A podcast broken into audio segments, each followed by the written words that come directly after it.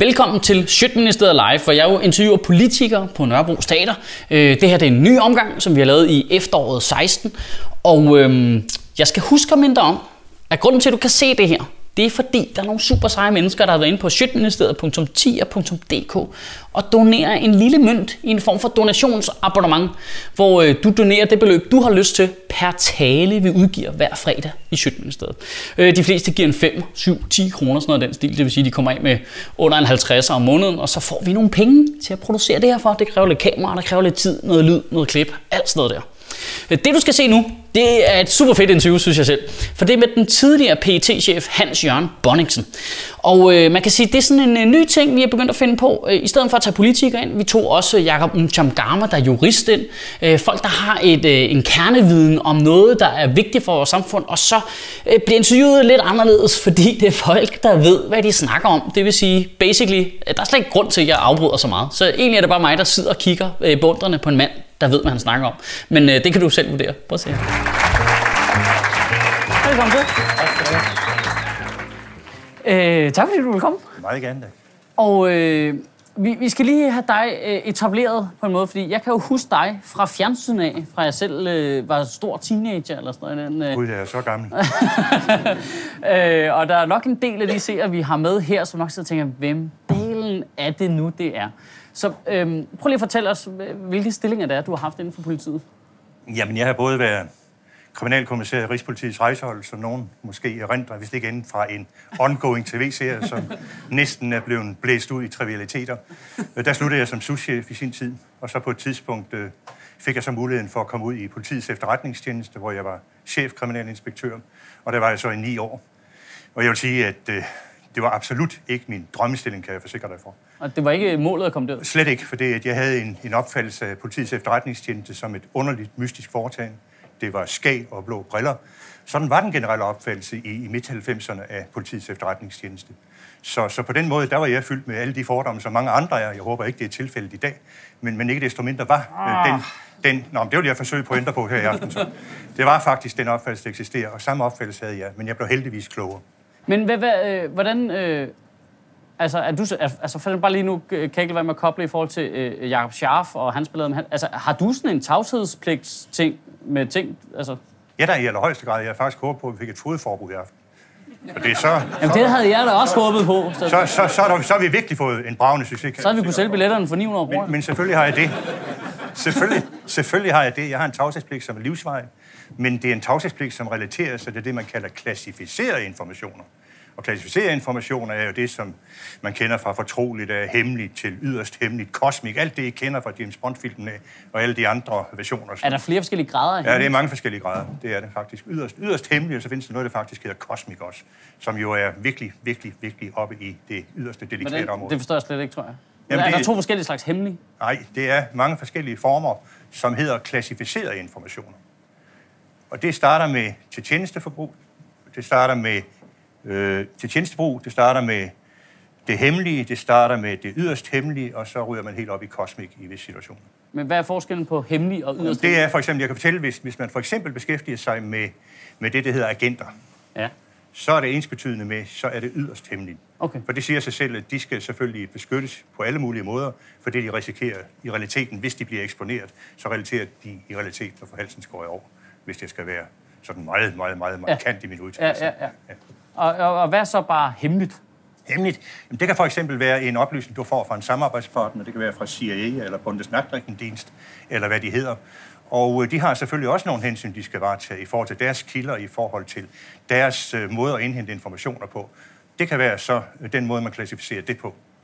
Så det betyder så, at man har en klar aftale om, at det skal du holde mellem partneren, altså den, der giver dig informationerne og det selv, og kun i det øjeblik, du får en tilladelse fra partnerne, så kan du gå ud og viderebringe det. Okay, men så må du lige blinke, hvis jeg bevæger mig i en retning, ja, hvor altså, vi jeg, kommer i ballade. Jeg, skal love dig for, at vi, vi, vi, vi skal nok prøve på at, at, at styre det her. Okay, fedt. Nå, fordi det, øh, jeg, jeg gerne ville snakke om, det var øh, at det her terror, der fylder så meget for os, øh, og som... Øh, øh, er PET's, må man vel nok sige, noget, der minder om hovedopgave, i hvert fald i offentligheden øh, i, i øjeblikket. Det er i hvert fald topprioriteten, men, men vi kommer ikke udenom, at det findes også noget, der hedder kontraspionage. Det findes noget, der hedder kontraekstremisme, og vi kommer heller ikke udenom, at PET faktisk er den nationale sikkerhedsmyndighed, altså skal medvirke til rådgivning i forhold til, hvordan etablerer man sikkerhed omkring flytrafikken, hvordan etablerer man sikkerhed om Christiansborg og vice versa. Men hoveddisciplinerne på det operative felt, det er ganske rigtigt højt prioriteret terror, og dernæst kontraspionage og kontraekstremisme. Hvordan forhindrer PET terror? Altså sådan helt lavpraktisk. Hvad, hvad laver de lige nu? Hvad er det, de laver nu? Jamen, det gør man på to måder. Jeg kan illustrere det med, med så at sige nogle metaforer, ikke? Den fremstrakte hånds strategi og den knyttede nævestrategi.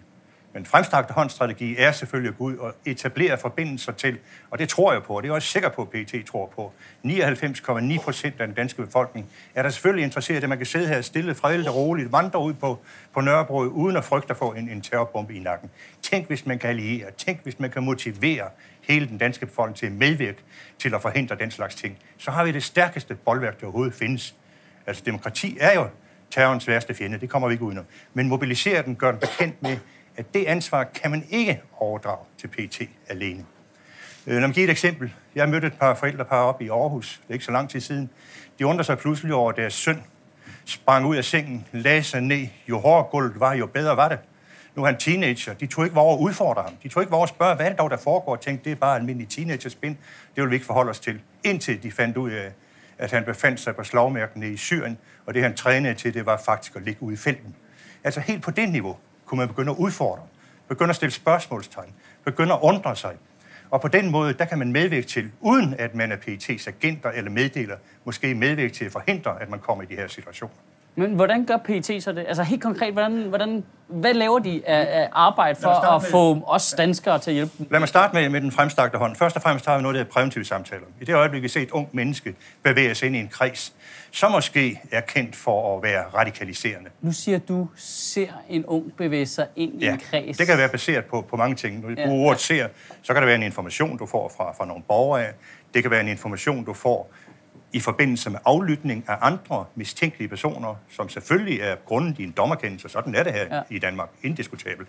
Og du får nogle information der, som tyder på, hold da op, her er en ung menneske, som vil bevæge sig ind på en farlig bane. Det kunne da godt være, det ville være hensigtsmæssigt at gå ud og kigge ham i øjnene, dybt i øjnene, og fortælle ham, du, det her, det synes vi er vigtigt, du skal tænke dig om. Det kan være der far for dig, det kan være far, far for andre.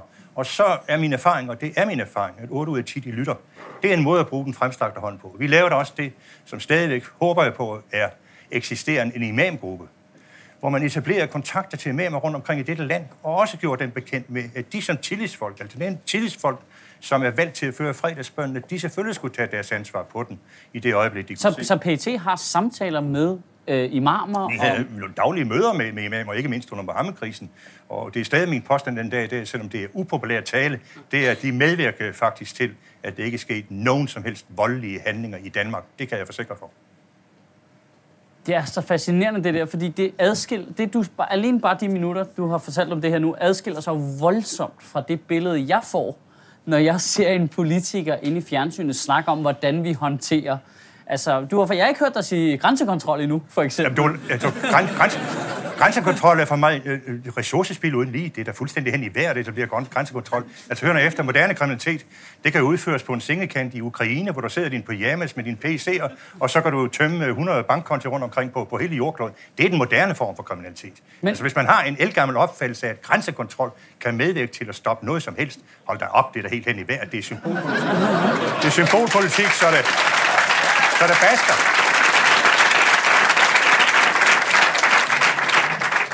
Okay, det er så, det er så en ting, men... Øh, men...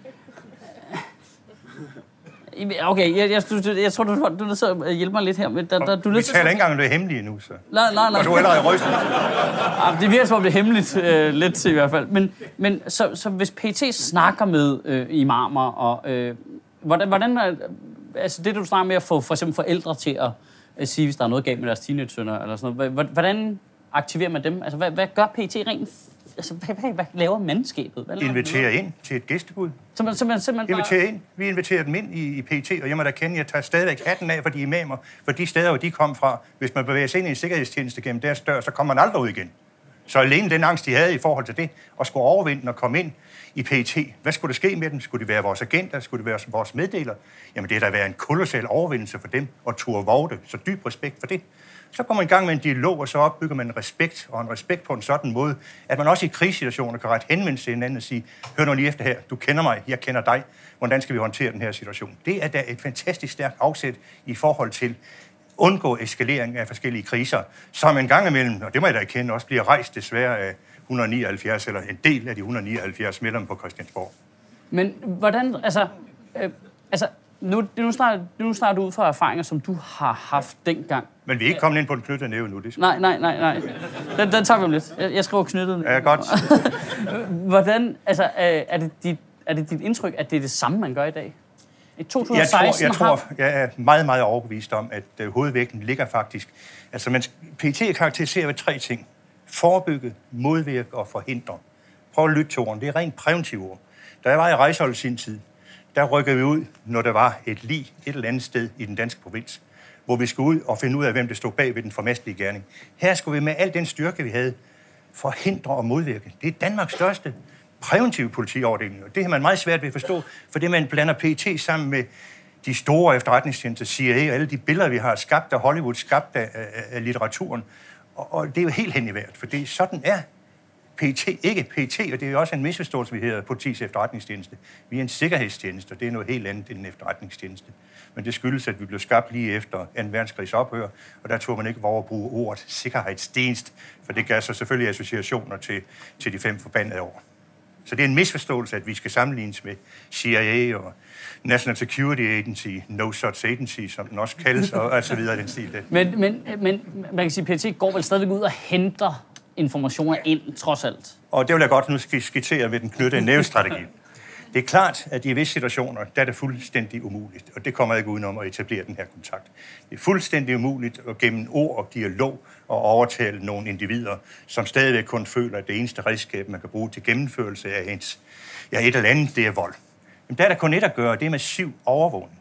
Og massiv overvågning, det er for eksempel telefonaflytninger. Det er rumaflytninger. Det er videoovervågning af rum det er, at man følger med i internetaktiviteter, men under en kendelig forudsætning. Et, at du har et konkret mistankegrundlag. Et mistankegrundlag, som du præsenterer for en dommer, der til lige med en forsvarsadvokat til stede, som skal gøre alt for at underminere dit materiale. Og så er det op til dommeren at vurdere, hvorvidt PET's mistankegrundlag er i orden, og så får du en kendelse, så kan du gå ind og implementere de her ting med. Det bruger man det er ikke særlig effektfuldt, kan, kan jeg sige til det, for de fleste ved, at i det øjeblik, man beskæftiger sig med, med den slags ting her, så skal man ikke, så skal man ikke begynde at åbenbare sine hemmeligheder via, via internettet eller via telefoner. Så har vi en, en stor observationsafdeling, som ikke bestiller andet end at følge vores målpersoner, fra de står op om morgenen, til de går i seng om aftenen. Altså, altså en... Skyggehold. Ja, jeg se. Ja, fuldstændig skyggehold. Lad mig give et konkret eksempel fra, fra en sag, som, som jeg selv kender. På et tidspunkt får man fra samarbejdspartner i England, MI5, oplysninger om, at i Danmark der befinder det sig en person, som har forbindelse til Combat 18. Og hvis nogen kender Combat 18, så er det en af de mest voldelige, ekstreme højekstremistiske organisationer, der findes i Europa i dag. Og de har forbindelse til, til en person i Danmark. De beder PET kigge på det. Vi får informationerne, præsenterer det for en dommer, for så kendelse på det. Sætter vores observationshold på ham, følger ham gennem byens rum, og kan pludselig se, at han går ind og foretager forskellige mærkværdige indkøb i hobbyforretninger. Og vi kan ikke rigtig finde ud af, hvad det er. Og så pludselig på et tidspunkt kan man se, at observationshold, de følger ham ud til Vesterkirke, og ikke nogen kender, ligger lige uden for byområdet. Der er det svært at komme ind med et observationshold, medmindre man lynhurtigt kan få fat i et ligetog. Det kunne vi ikke den pågældende dag. Så vi blev udenfor. Vi blev udenfor. Så pludselig hører man ind fra nogle voldsomme smæld. Og der var man ikke et øjeblik i tvivl om, det var detonatorer, altså det, der skal bruges til at aktivere sprængstoffer med. Og for det øjeblik, der kan jeg love dig for, der var vi oppe på det yderste sorte af Stortogsneglen. Og følger ham så meget kontant i det næste døgn tager han over til Sverige, ser han tre prøvekuverter i hånderne, bliver droppet i et postkontor på Stortorg i Malmø, får fat i SEPO, åbner de her brev med sprængstofeksperter. I hver brev, der ligger det en videokassette med 90 gram plastiksprængstof i. Alle sammen adresseret til meget kendte personer i London, som var fortaler for integration, som var fortaler for fredelig sameksistens. Og hvis de var nået frem, de her kuverter, så er det sagt bang, og så var det intet tilbage af deres overgår. Et eksempel på, at man gennem, gennem overvågning kan forebygge, modvirke og forhindre. Og det er jo det, der drejer sig om i stedet for helt, helt kontant at bruge den, den knyttede næve, som jo betyder at sætte folk i spil. Men hvordan, hvordan PT's arbejde i forhold til at, øh, altså, at forhindre radikalisering. Nu, nu snakker vi om at indhente oplysninger, og så forhindre. Ja. Men der foregår også et arbejde i forhold til at forhindre decideret, altså øh, radikalisering. Nu det kan jeg næsten ikke engang lige at bruge det Nej, ord, det det føles, fordi- fordi det føles så åndssvagt, fordi det er blevet ødelagt. Øh, øh, ja, ja. Men altså, der, der ligger vel også et arbejde i ligesom at sige, vi, vi skal, en ting er at gå hen og sige til en ung fyr, der er på vej ind i et miljø, hvad enten det må være på den ene eller den anden yderfløj, der, der er farligt. Det, der er vel også noget i generelt at, ligesom at forhindre folk i det hele taget i at trække i den retning. Altså, Men der vil jeg sige, at hvis man tror, man kan overlade det til PT alene, så tager man gruelig fejl. Altså hvis man kigger på, på, på ja, terrorens udvikling siden 11. 9. og ser, hvilke metoder, der blev brugt, så vil du kunne se, at det er brugt interneringslejre, Guantanamo.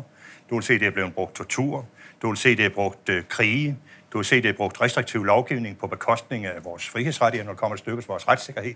Du vil se i Frankrig, der har et undtagelsestilstand. Med hvilken effekt? Det er bare et spørgsmål, man kan rejse sig selv og spekulere lidt på det. Med hvilken effekt? Det er kun blevet værre og værre. Så mit, mit, mit, mit helt store, ja, det jeg taler for i øjeblikket, det er at tiden ikke inde til, at vi skal gå ind og revurdere. Er det her redskaberne? Er det redskaberne til at forhindre terroren? Altså hver eneste gang vi foretager den slags restriktive indgreb, jamen så går det jo ud over vores retssikkerhed, det går ud over vores frihedsrettigheder, og det medvirker til at skabe en større og større polarisering. Lige præcis det, som islamisk stat og højere ekstreme kræfter i Europa er interesseret i. Vi danner så at sige øh, slagmarken for den, ved hele tiden at gå ind og bruge den slags øh, metoder, og som er fuldstændig værdiløse. Altså hver eneste gang, man så offentliggørelse af billeder fra Guantanamo, og eneste gang, man så offentliggørelse af øh, torturscener, jamen stod det i tusindvis af banker på Osama Bin Ladens dør og sagde, vi vil gerne være med til at hævne de uhyreligheder, som den vestlige verden foretager i forhold til vores muslimske brødre. Vi mistede retten til at missionere om menneskerettighederne for det øjeblik, vi forfaldt til den slags metoder. men er der ikke også... Det tror jeg... Altså, nu kan man sige, det er jo rimelig sikkert crowd at sige sådan noget i. Øh, ja, fordi, Nej, det kan også sige selv blandt plus 55 år. men, men, men, øh, men er der ikke også en idé i at vise, i det her tilfælde fjenden, at man ikke er bange for at bruge den knyttede næve? Jo. Fordi der er jo ikke så meget god PR i at gå ud og snakke med nogle imamer, fordi det, det ser vi ikke så meget til i fjernsynet. Jo. Altså, det er ikke sådan, at der er en stor øh, pressekonference. Hey, vi har hængt ud med nogle imamer. Altså, selvom det er måske, som du siger, det, der hjælper mest i virkeligheden og forhindrer mest her. Jamen, nu har PET jo ikke brug for spindoktorer. Vi har ikke brug for at blive, blive image-målet. PET er sat til for at medvirke til, at du og jeg og alle andre i dette land kan få en redelig, fredelig øh, sameksistens med hinanden. Ikke? Altså, PET er jo for at forebygge, modvirke og forhindre de her uhyreligheder, som, som alle er interesseret i. Og derfor er det da vigtigt, at man sender nogle, nogle, nogle signaler en gang imellem i forhold til dem, som helt markant overtræder regelsættet på en sådan måde, at man kan sige, nu er de berettet til en sigtelse. Altså det er rimelig formodning om, at de foretager strafbare handlinger. Hvis de kommer derud, jamen så rejser man jo også en sigtelse. Så er det op til domstolen at vurdere, om den her sigtelse, den her tiltale kan holde, og så er det jo øh, den udmåling af straf, som jo sender det her signal, det her præventive signal, hvis nogen stadigvæk tror på, at, øh, at det at ikende folks straf, det har en præventiv signal, så er det altså den måde, man reagerer på i det samfund, vi lever i i dag. Og, og har sådan en straf, altså, altså har det ikke nogen præventiv effekt? Så nu har jeg været 41 år i dansk politi, og jeg må erkende, at, at straf i sig selv har jo ingen præventiv effekt. Tværtimod.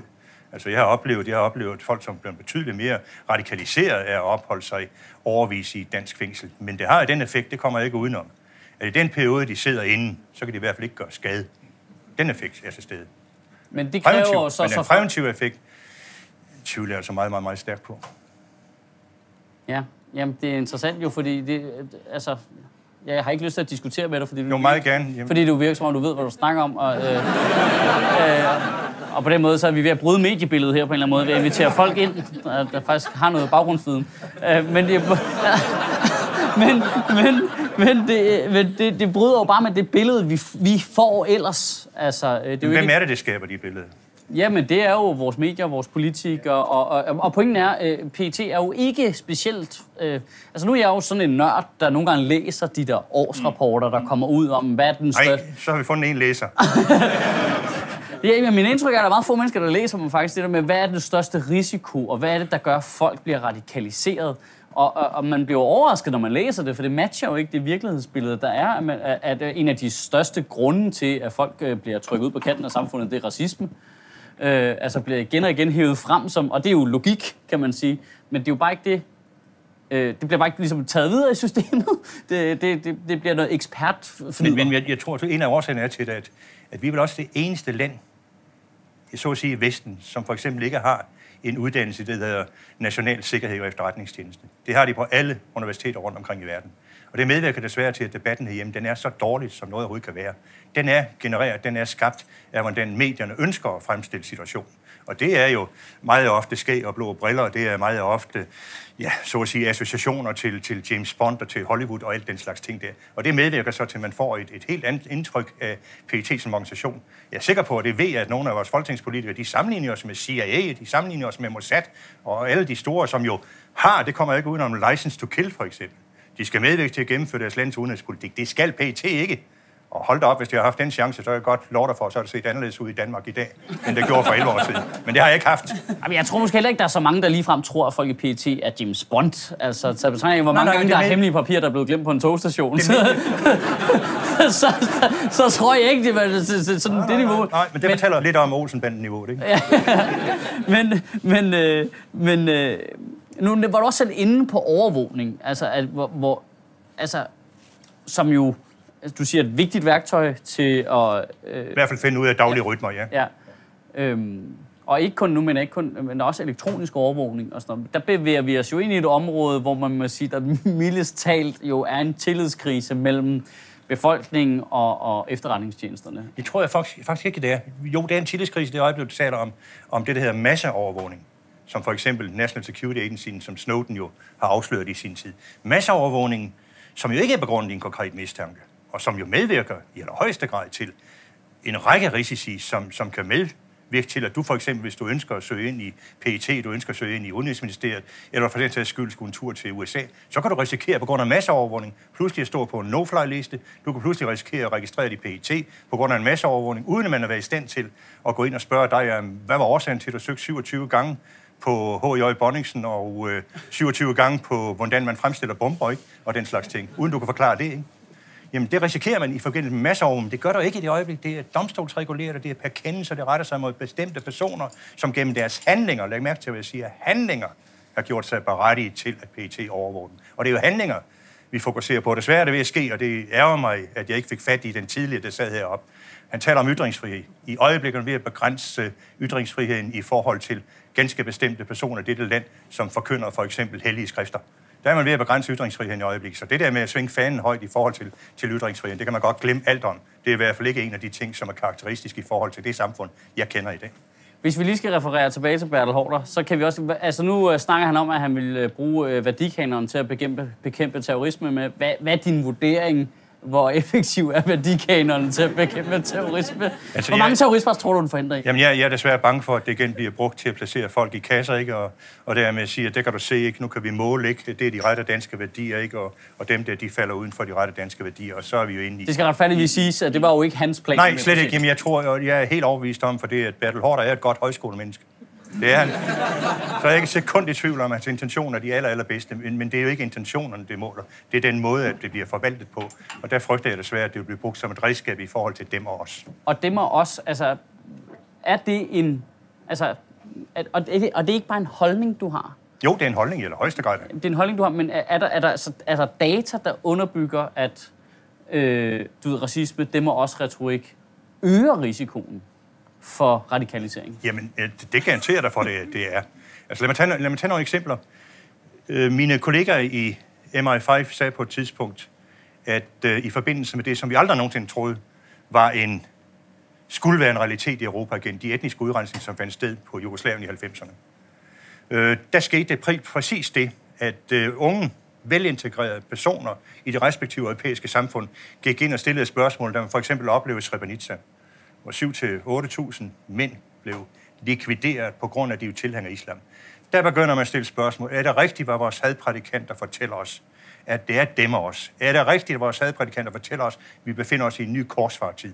Og desværre medvirker det faktisk til, at nogle af de mange unge velintegrerede, som fandtes rundt omkring i Vesteuropa, de blev søgende, og betød så desværre ind i nogle af de mest radikaliserede kredse, som medvirker til, at nogen gik hele vejen. Jeg er fuldt en af dem. Fuldt ham lige fra jeg var ude at hente ham på Guantanamo, så han kom hjem i Danmark, øh, blev øh, for så vidt på, på en eller anden måde en del af det danske samfund igen. Han endte desværre sine dage på slagmarken i Syrien.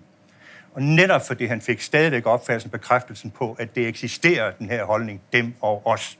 Og øh, det fastholdt ham desværre og fastlåste ham i den her situation, som medvirkede til, at han spildte, så at sige, sit, sit liv. I en sag, som godt nok for ham var, var, var en, i en højere sags tjeneste, men det var da et forfærdeligt spild af liv, og efterlader sig nu en, en hustru og et lille barn herhjemme. Tænk, hvis vi kan medvirke til at stoppe den slags ting ved at udligne de her dem og spillere, vil lade være med hele tiden at bygge kanoner op, som placerer os i forskellige kasser, som jo bliver brugt som måleredskab i forhold til, hvad er du værd og hvad er jeg værd. Ja. Det var en fornøjelse at have dig på besøg, Tak skal du have. Hans Jørgen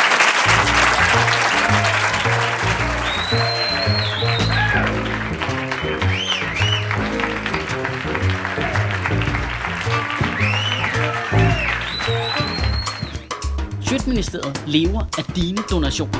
På tier.dk kan du oprette et donationsabonnement, hvor du giver lige præcis det beløb, du har lyst til. Og så kan vi lave flere interviews på Nørrebro Teater, flere taler, sende Sofie Flygt mere på gaden. Og hvis ikke du gør det, så er du en big.